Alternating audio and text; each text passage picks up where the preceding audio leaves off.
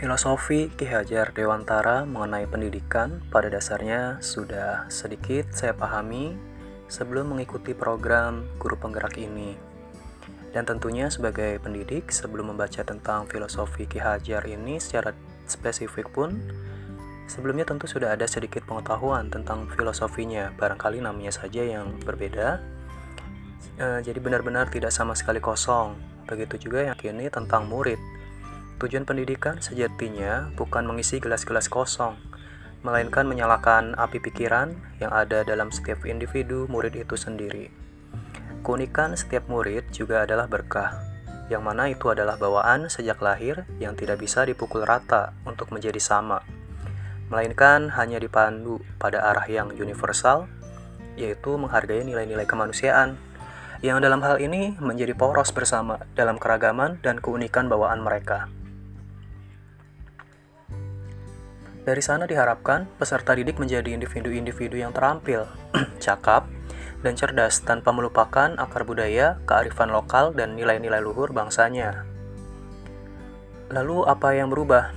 Hmm, tentu ada perubahan signifikan dalam hal pemahaman yang lebih mendalam. Sejauh, ini ada ada keberanian untuk berkreasi secara merdeka, untuk membuat pembelajaran yang lebih berpusat pada murid, sehingga pengetahuan yang sifatnya terlalu teknis, rumit, dan kompleks menjadi lebih ringan untuk disampaikan melalui berbagai medium dan mempercayakan bahwa setiap murid pada akhirnya akan mencari pemahaman tersebut secara mendalam jika menurutnya itu penting dan berguna secara independen.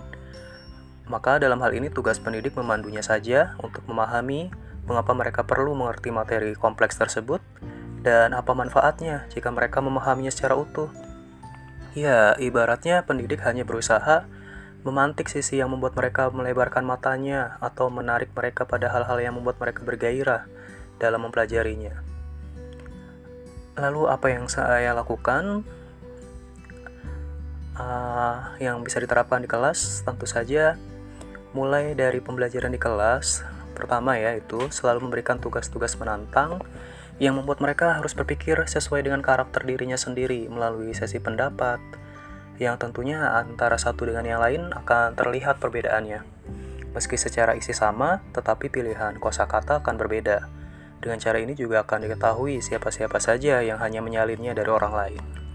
Kemudian yang kedua, memberi mereka kepercayaan pada materi yang cukup kompleks dan membuat daya nalar mereka menyala Biasanya mereka akan suka jika pendidik menyampaikan materi secara terbuka, membahas dari berbagai sisi, lalu dikaitkan pada keterampilan-keterampilan yang akan mereka dapatkan jika mereka tekun belajar tentang hal tersebut.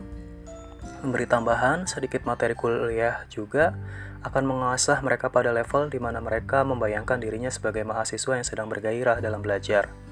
Sebab itu, mengaitkannya pada impiannya di masa depan. Saya rasa itu saja dari saya. Terima kasih.